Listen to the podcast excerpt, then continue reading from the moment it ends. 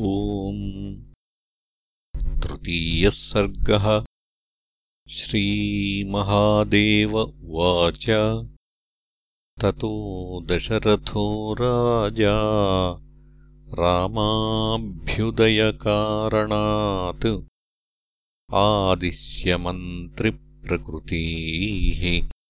सानन्दो गृहमाविशतु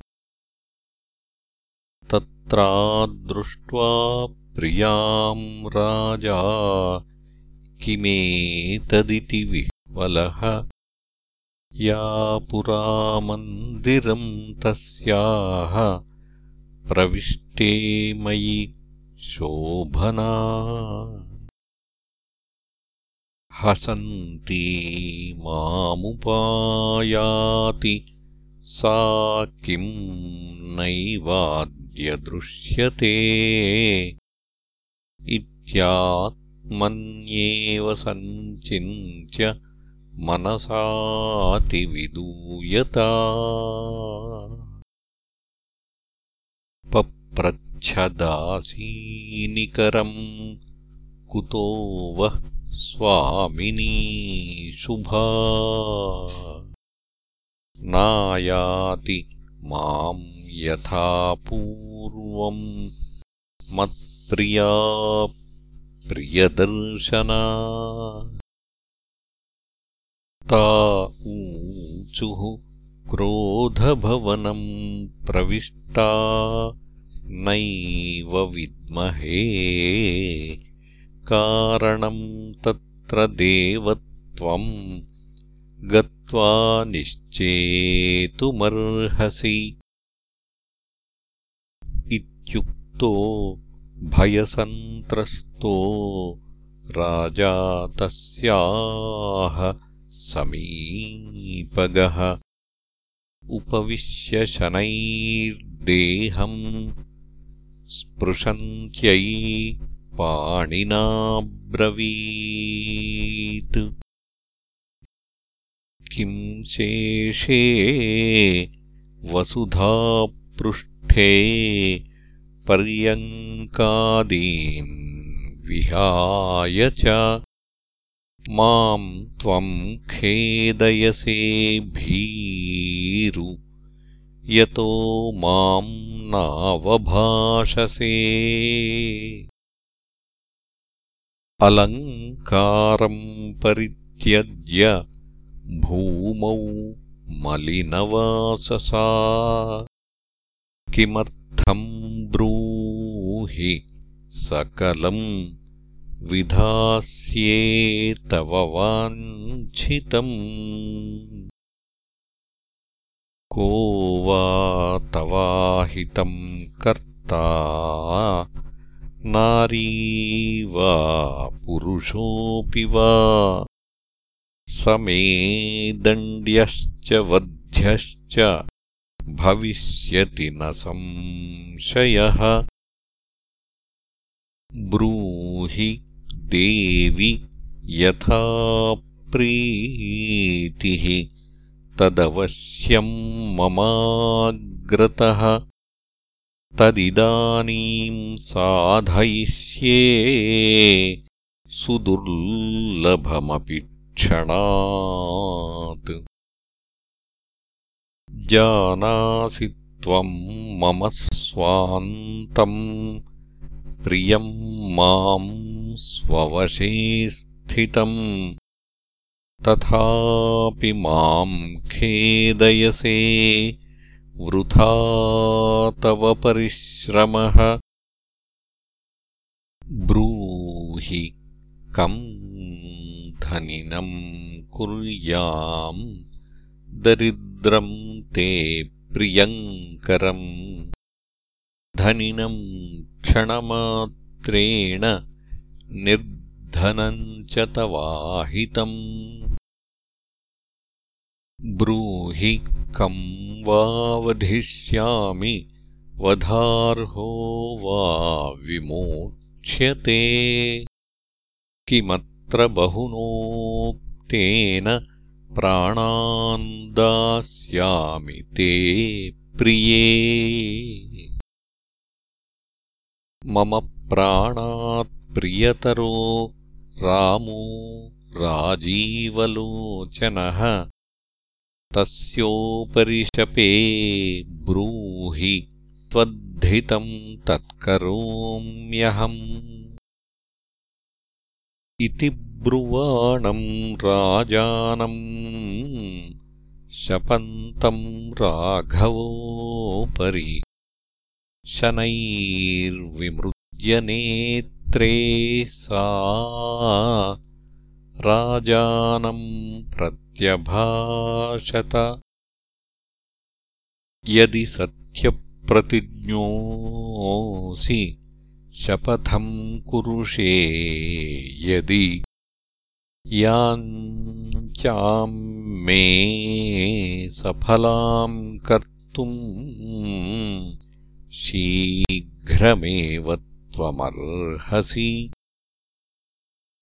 पूर्वम् देवासुरे युद्धे मया त्वम् परिरक्षितः तदा वरद्वयम् दत्तम् त्वया मे तुष्टचेतसा। तद्वयम् न्यासभूतम् मे स्थापितम् त्वयि सुव्रत। तत्रैकेन वरेणाशु भरतम् मे प्रियम् सुतम्। एभिः सम्भृतसम्भारैः यौवराज्येऽभिषेचय अपरेण वरेणाशु रामो गच्छतु दण्डकान् मुनिवेशधरः श्रीमान् जटावल्कलभूषणः चतुर्दशसमास्तत्र कन्दमूलफलाशनः। पुनरायातु तस्यान्ते वनेवातिष्ठतु स्वयम् प्रभाते गच्छतु वनम्। रामो राजीवलोचनः। यदि किञ्चिद्विलम्बेत प्राणांस्त्यक्ष्येतवाग्रतः भव सत्यप्रतिज्ञस्त्वमेतदेव मम प्रियम् श्रुत्वैतद्दारुणम् वाक्यम् कैकेय्या रोमहर्षणम् निपपातमहीपालो वज्राहतैवाचलः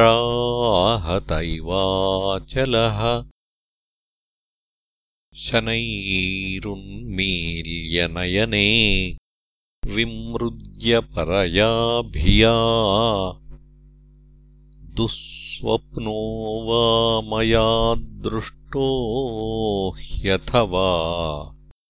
चित्तविभ्रमः इत्यालोक्यपुरः पत्नीम् व्याघ्रीमिव पुरस्थिताम्। किमिदम् भाषसे भद्रे मम प्राणहरम् वचः। रामः कमपराधम् ते कृतवान् कमलेक्षणः। ममाग्रे राघवगुणान् वर्णयस्यनिशम् शुभात्। कौसल्याम् माम् समम् पश्यन् शुश्रूषाम् कुरुते सदा। इति ब्रुवन्ती त्वम् पूर्वमिदानीम् भाषसेन्यथा। राज्यम् गृहाणपुत्राय रामस्तिष्ठतु मन्दिरे अनुगृह्णीष्व माम् वामे रामान्नास्ति भयम् तव इत्युक्त्वाश्रुपरीताक्षः पादयोर्निपपातः कैकेयी प्रत्युवाचेदम् सापि रक्तान्तलोचना राजेन्द्र किम् त्वम् भ्रान्तोऽसि? उक्तम् तद्भाषसेऽन्यथा मिथ्याकरोषि चेत् स्वीयम् भाषितम् नरको भवेत् वनम् न गच्छेद्यदि रामचन्द्रः प्रभातकाले जिनचीरयुक्तः उद्बन्धनम् वा विषभक्षणम् वा कृत्वा मरिष्ये पुरतस्तवाहम्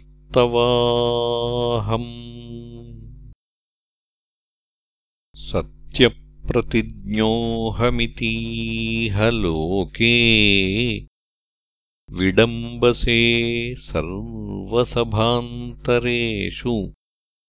रामोपरि त्वम् शपथम् च कृत्वा मिथ्याप्रतिज्ञो नरकम् प्रयाहि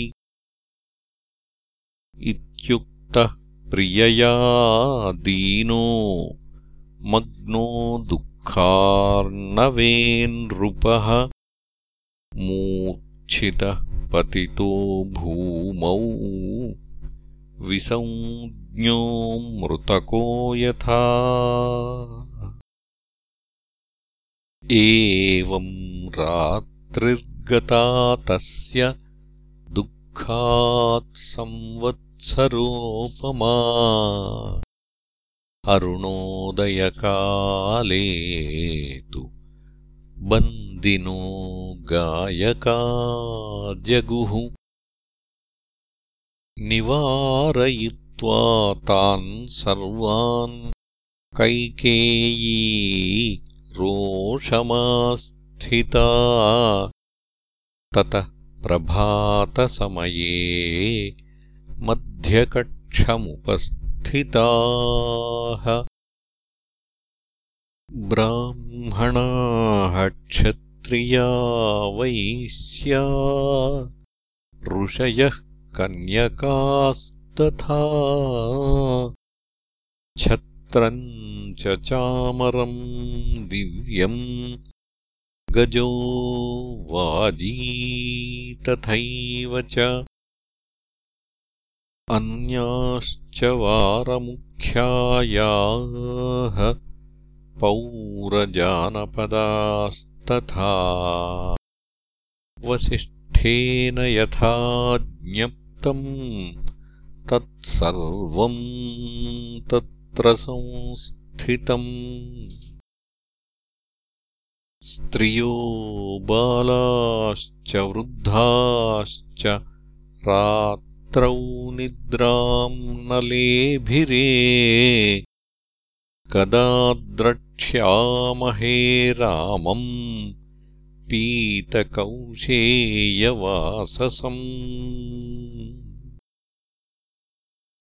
सर्वाभरणसम्पन्नम् किरीटकटकोज्ज्वलम् कौस्तुभाभरणम् श्यामम्। कन्दर्पशतसुन्दरम्। अभिषिक्तम् समायातम्। गजारूढम्। स्मिताननम्। श्वेतच्छत्रधरम् तत्र लक्ष्मणम् लक्षणान्वितम्। रामम् कदा वा द्रक्ष्यामः प्रभातम् वा कदा भवेत्? इत्युत्सुकधियः सर्वे बभूवुः पुरवासिनः नेदानीमुत्थितो राजा किमर्थम् चेति चिन्तयन्? सुमन्त्रशनकैः प्रायाद्यत्र राजावतिष्ठते। वर्धयन् जयशब्देन प्रणमन् शिरसा नृपम् अतिखिन्नम् नृपम् दृष्ट्वा कैकेयीम् समपृच्छत। देवि कैकेयि वर्धस्व किम् राजा दृश्यतेऽन्यथा। तमाह कैकयी राजा रात्रौ निद्राम् न लब्धवान्। राम रामेति रामेति राममेवानुचिन्तयन्। प्रजागरेण वै राजा ह्यस्वस्थ इव लक्ष्यते राममानय शीघ्रम् त्वम् राजा द्रष्टुमिहेच्छति। अश्रुत्वा राजवचनम् कथम् गच्छामि भामिनि। तच्छ्रुत्वा मन्त्रिणो वाक्यम् राजा मन्त्रिणमब्रवीत् सुमन्त्ररामम् द्रक्ष्यामि शीघ्रमानयसुन्दरम् इत्युक्तस्त्वरितम् गत्वा सुमन्त्रो राममन्दिरम्। अवारितः प्रविष्टोऽयम् त्वरितम् राममब्रवीत् शीघ्रमागच्छ भद्रम् ते रामराजीवलोचना। पितुर्गेहम् मया सार्धम् राजा त्वाम् द्रष्टुमिच्छति। इत्युक्तो रथमारुह्य सम्भ्रमात्त्वरितो ययौ। रामः सारथिना सार्धम् लक्ष्मणेन समन्वितः मध्यकक्षे वसिष्ठादीन् पश्यन्नेव त्वरान्वितः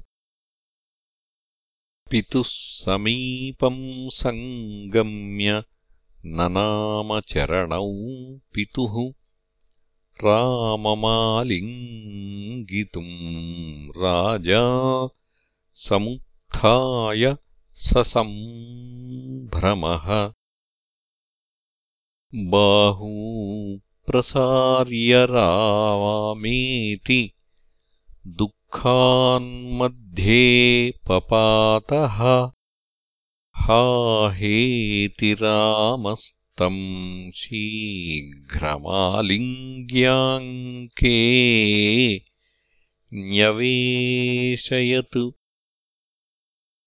राजानम् मूर्च्छितम् दृष्ट्वा चुक्रुषुः सर्वयोषितः किमर्थम् रोदनमिति वसिष्ठोऽपि समाविशत्। रामः पप्रच्छ किमिदम् राज्ञो दुःखस्य कारणम्। एवम् पृच्छति रामे सा कैकेयी राममब्रवीत् त्वमेव कारणम् ह्यत्र राज्ञो दुःखोपशान्तये। किञ्चित्कार्यम् त्वया राम कर्तव्यम् नृपतेर्हितम्। कुरु सत्यप्रतिज्ञस्त्वम् राजानम् सत्यवादिनम् राज्ञा वरद्वयम् दत्तम् मम सन्तुष्टचेतसा। त्वदधीनम् तु तत्सर्वम् वक्तुम् त्वाम् लज्जते नृपः सत्यपाशेन सम्बद्धम् पितरम् त्रातुमर्हसि। पुत्रशब्देन चैतद्धि नरकात्रायते पिता। रामस्तयोदितम् श्रुत्वा शूलेनाभिहतो यथा व्यथितः कैकयीम् प्राह। किम् मामेवम् प्रभाषसे? पित्रर्थे जीवितम् दास्ये। पिबेयम् विषमुल्बणम् सीताम् त्यक्ष्येथ कौसल्याम् राज्यम् चापि त्यजाम्यहम्। अनाज्ञप्तोऽपि कुरुते पितुः कार्यम् स उत्तमः। उक्तः करोति यः पुत्रः स मध्यमौदाहृतः उक्तोऽपि कुरुते नैव स पुत्रो मल उच्यते अतः करोमि तत्सर्वम् यन्मामाह पिता मम। सत्यम् सत्यम् करोम्येव रामो द्विर्नाभिभाषते। इति रामप्रतिज्ञाम् सा श्रुत्वा वक्तुम् प्रचक्रमे। रामत्वदभिषेकार्थम् सम्भाराः सम्भृताश्च ये तैरेव भरतो वश्यमभिषेच्य प्रियो मम अपरेण वरेणाशु चीरवासा जटाधरः वनम् प्रयाहि शीघ्रम् त्वमद्यैव पितुराज्ञया। चतुर्दशसमास्तत्र वस मुन्यन्नभोजनः। एतदेव पितुस्तेऽद्य कार्यम् त्वम् कर्तुमर्हसि। राजा तु लज्जते वक्तुम् त्वामेवम् रघुनन्दन। श्रीराम उवाच भरतस्यैव राज्यम् स्यादहम् गच्छामि दण्डकान्। किन्तु राजा न वक्तीह माम् न जानेऽत्र कारणम् श्रुत्वैतद्रामवचनम् दृष्ट्वा रामम् पुरस्थितम् प्राह राजा दशरथो दुःखितो दुःखितम् वचः स्त्रीजितम् भ्रान्तः हृदयम् उन्मार्गपरिवर्तिनम् निगृह्य माम् गृहाणेदम् राज्यम् पापम् न तद्भवेत्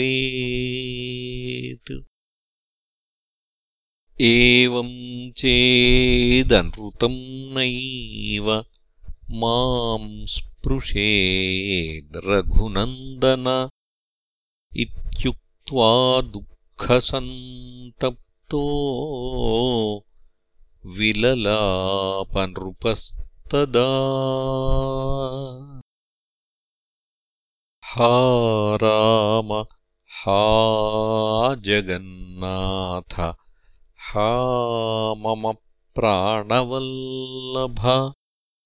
माम् विसृज्य कथम् घोरम् विपिनम् गन्तुमर्हसि। इति रामम् समालिङ्ग्य मुक्तकण्ठो रुरोदः विमृज्यनयने रामः पितुः सजलपाणिना। आश्वासयामास नृपम् शनैः स नयकोविदः किमत्र दुःखेन विभो राज्यम् शासतु मेनुजः अहम् प्रतिज्ञाम् निस्तीर्य पुनर्यास्यामि ते पुरम्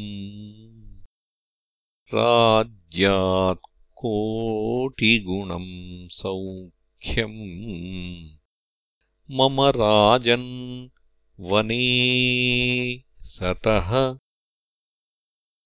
त्वत्सत्यपालनम् देवकार्यम् चापि भविष्यति। कैकेय्याश्च प्रियो राजन् वनवासो महागुणः।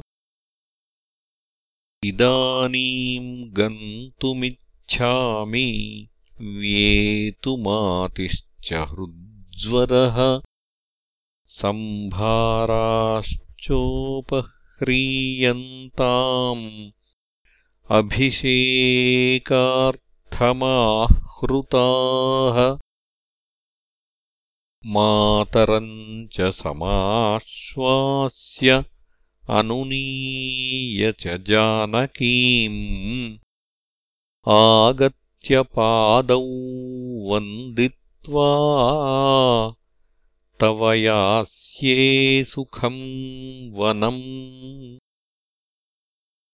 इत्युक्त्वा तु परिक्रम्य मातरम् द्रष्टुमाययौ।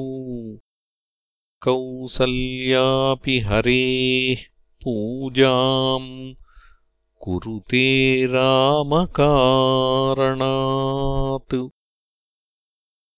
होमम् च कारयामास ब्राह्मणेभ्यो ददौ धनम् ध्यायते विष्णुमेकाग्रमनसा मौनमास्थिता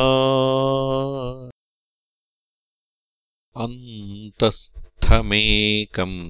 घनचित्प्रकाशम् निरस्तमूर्तिमन्तम् समस्तसर्वातिशयस्वरूपम् विष्णुम् सदानन्दमयम् हृदब्जे सा भावयन्ती न ददर्श रामम् इति श्रीमदध्यात्मरामायणान्तर्गते उमामहेश्वरसंवादे अयोध्याकाण्डे तृतीयः सर्गः